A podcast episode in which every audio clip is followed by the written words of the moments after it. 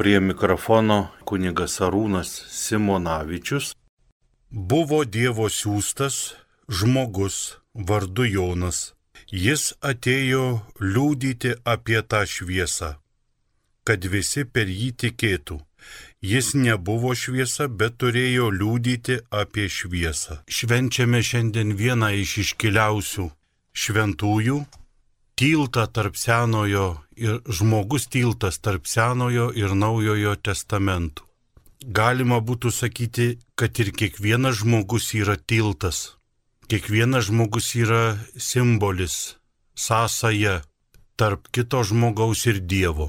Taip kaip Jonas Krikštytojas buvo sąsaja, taip ir mes turime labai panašią tarnystę. Pradžiai, kol įsivažiuos mūsų kalba, įžangai pasvarstykime apie, kas tai do dalykas yra, kad žmogus ieško panašių į save. Šventieji tai yra tie žmonės, kurie panašus į mus ir mes panašus į juos žmogaus prigimtyje yra noras būti panašiu. Dievas kurdama žmogų būtent šitą prigimtį ir ištarė įvardina. Padarykime žmogų į mus panašų. Ir kada Dievas sukūrė žmogų į jį panašų, jisai matė, kad tai yra labai gera, džiūgavo, džiaugiasi. Ir mes, kada atrandame panašumų, panašių į save, kada atrandame panašumo į Dievą, mes taip pat išgyvename džiaugsmą, išgyvename laimę. Kiekviename mūsų yra troškimas vis labiau supanašėti. Šventieji yra tie žmonės, kurie jau supanašėja tiek, kiek įmanoma supanašėti su Dievu, o mes gyvėjai dar esame procese. Mumyse šitas panašumas dar nepasibaigęs, mes dar vis panašėjame, vis augame tobulo panašumo link. Panašumas yra ne išorinis, ne veiksmų. Jis gali pasireikšti ir veiksmais, ir žodžiais, ir, ir, ir įvairiausiais būdais, bet tas panašumas yra kokybės panašumas. Aš noriu būti toks, kaip Dievas, toks kaip Jėzus. Kada žvelgiame į šventuosius, mes juose pamatome kilnių savybių, kurių ir mes turime taip pat, tik tai mažesnį kiekį. Ir va štai šitas panašumo dalykas užkuria mumyse, kadangi siela yra iš prigimties veržli į gyvybę, į kūrybą, į tai, kas auga į tai, kas bręsta, ir siela užsidega patraukimu, geismu, aukti ir panašėti į tą šventąjį, kurio savybių turiu ir aš, kurio gyvenimas yra ir į mano gyvenimą šiek tiek panašus. Panašios savybės auga. Žinoma, kad ne visi norės būti panašus į vieną kažkurį šventąjį, ne visi norės galbūt panašus į šventą Joną Krikštytoją. Situacija gal netokia, nors yra bendrų savybių, kuriomis mes kaip krikščionys, kaip Dievo vaikai esame panašus. Kiti norės būti panašus į kitus šventuosius.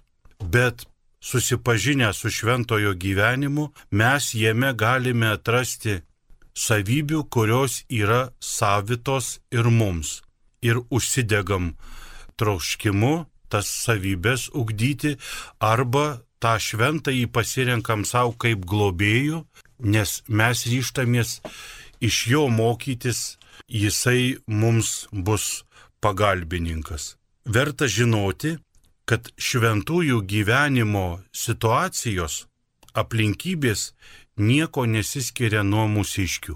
Visi šventieji taip pat turėjo tėtę ir mamą arba neturėjo, taip pat gyveno tarp tokių pačių žmonių, jeigu dabartiniu taip žargonu kalbant, visi šventieji užaugo tokiuose pačiuose daugiabučiuose, laiptinėse, soduose, privačiuose namuose.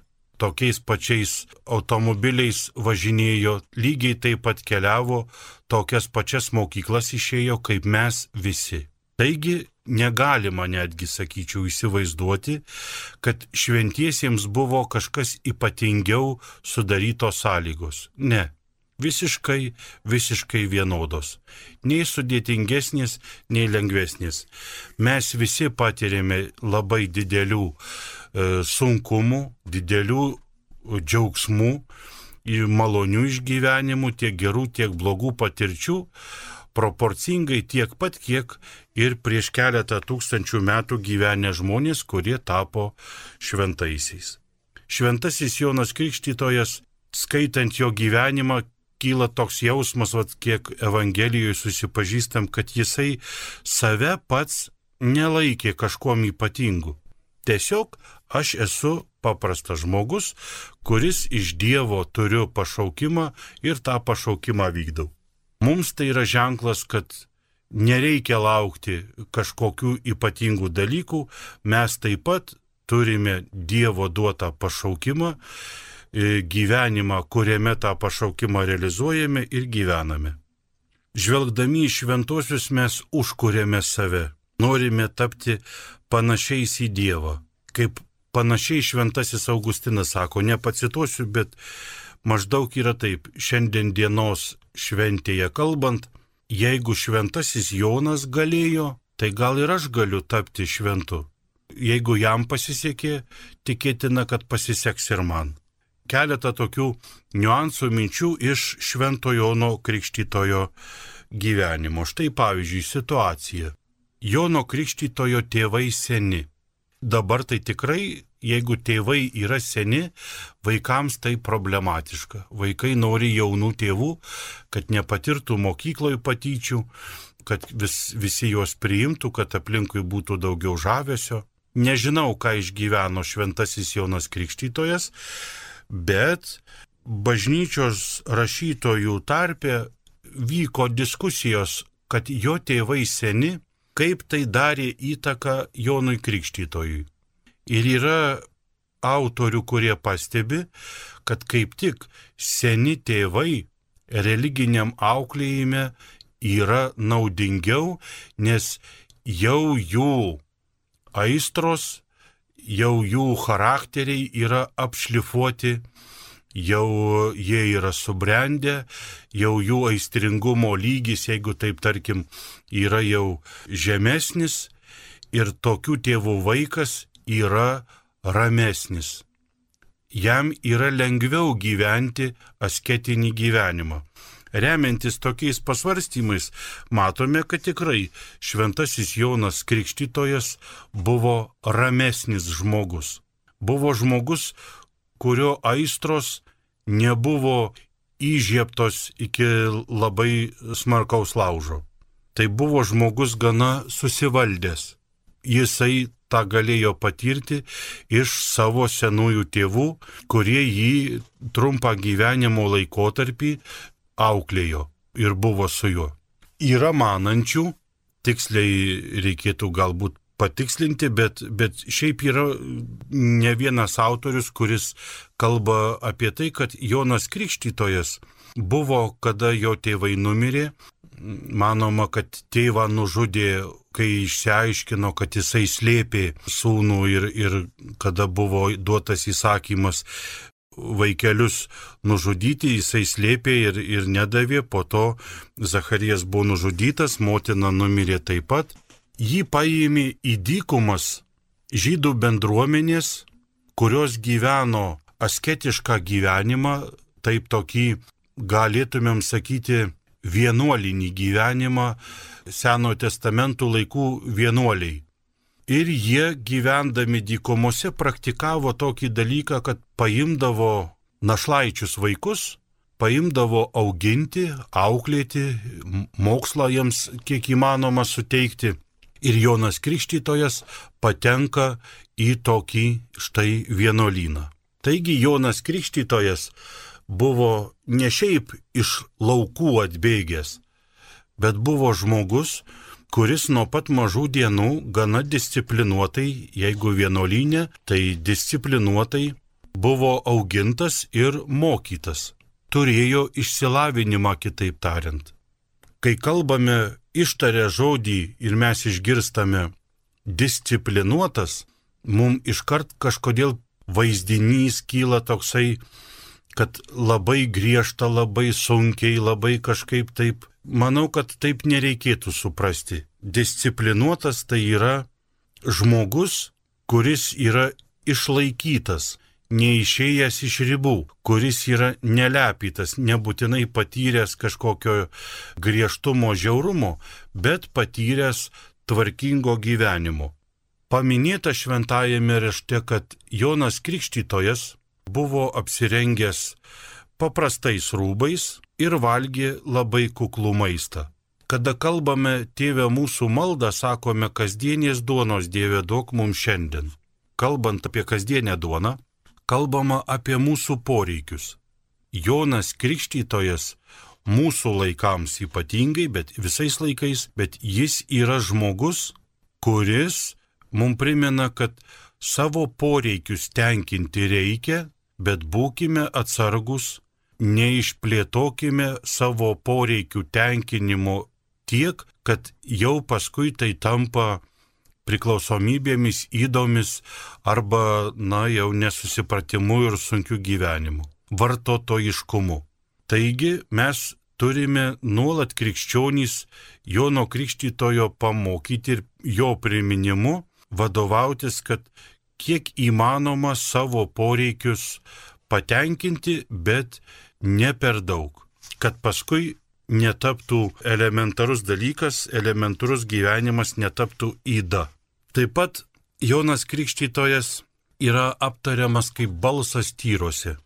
Pradėkim nuo to, kad religijos pagrindinė užduotis yra palaikyti santyki tarp Dievo ir žmogaus ir jį nuolat gaivinti, gyvinti, šventinti, jį nuolat auginti.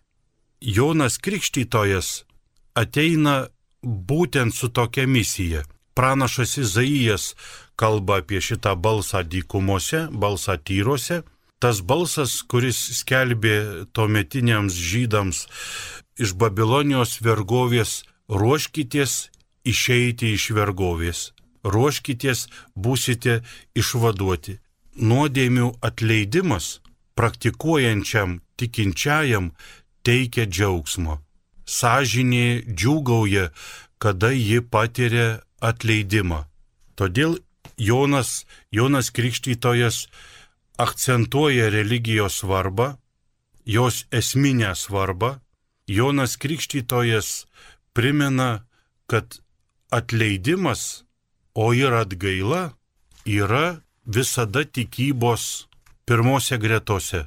Šiuo metu rytų bažnyčios vienuoliai labai dažnai primena, kad bažnyčia, jie aišku pirmiausiai kalba apie Bizantijos bažnyčią, kad bažnyčia nedaro atgailos.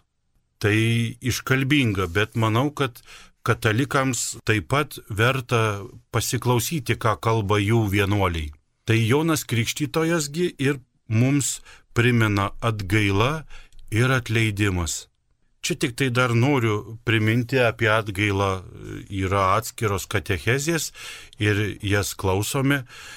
Vieną tokį plonybėlę, kai žmogus pasako atsiprašau, dovanok atleisk, labai svarbu pasakyti atleidžiu, dovanoju, tau atleista nenutylėti, nepasakyti, žiūrėsim, kas bus.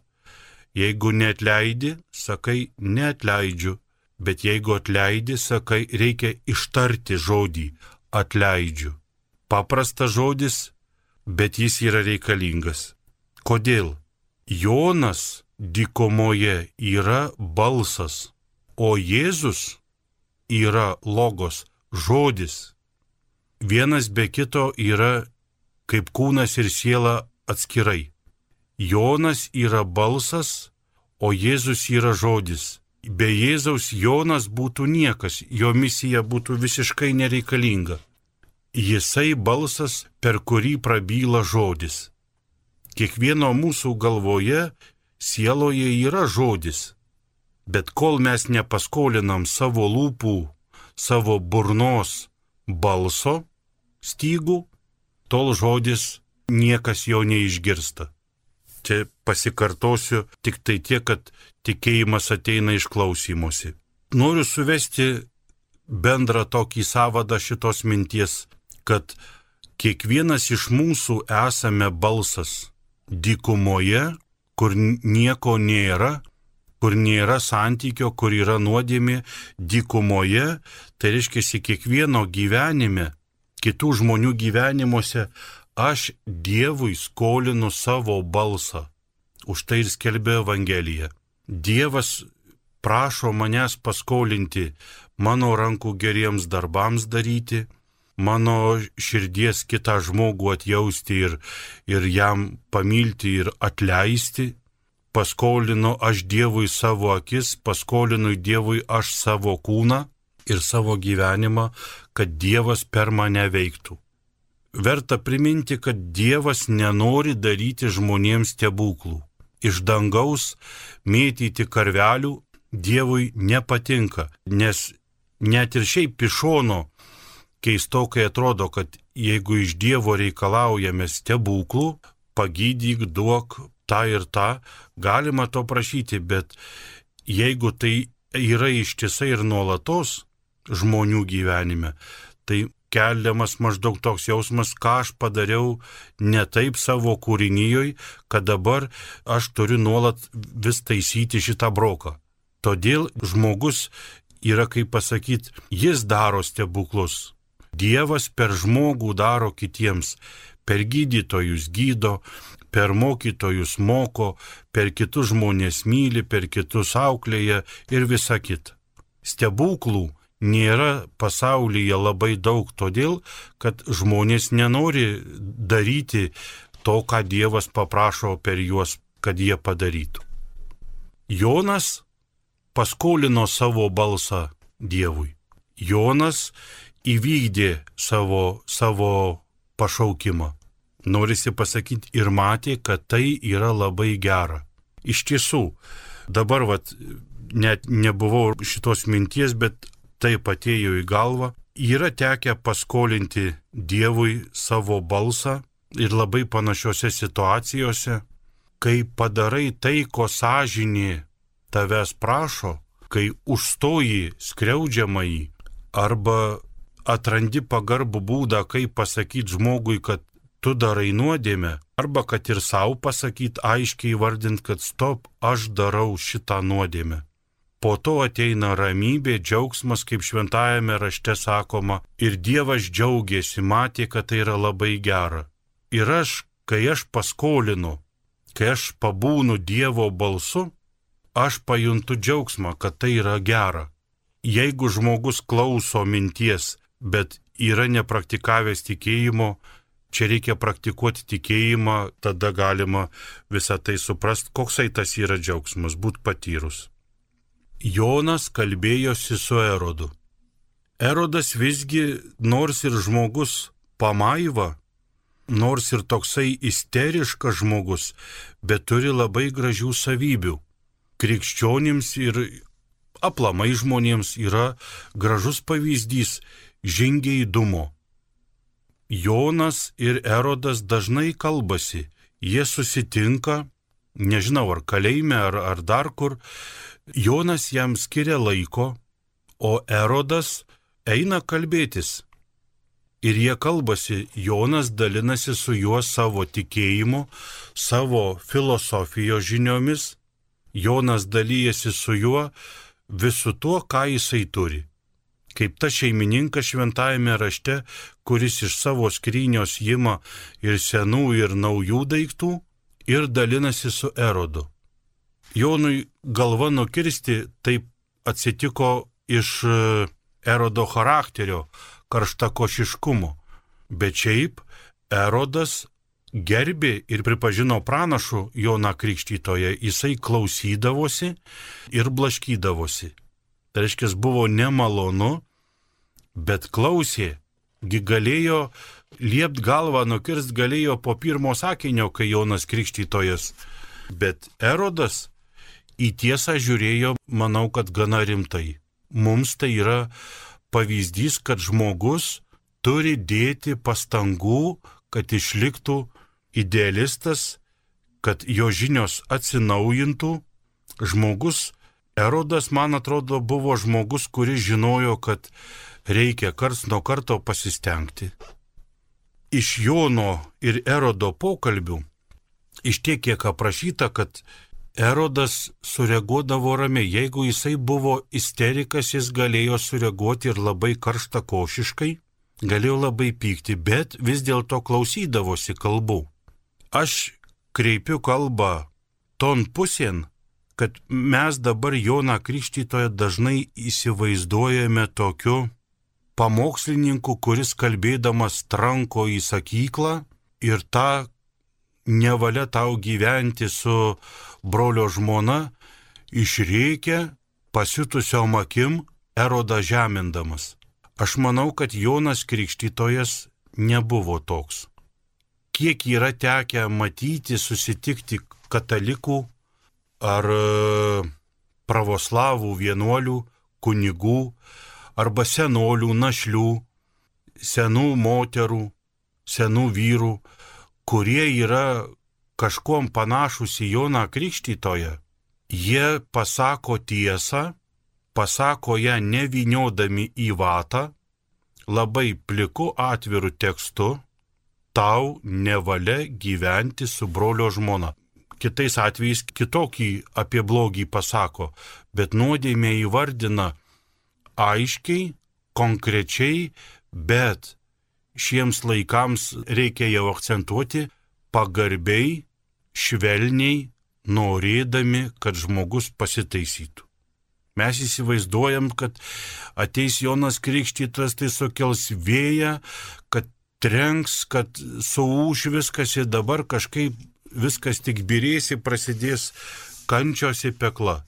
Kada, manau, kalbėjo Jonas Krikštytojas, jis puikiai ir iš savo žinių, ir iš žmonių pažinimo žinojo, su kuo jisai kalba.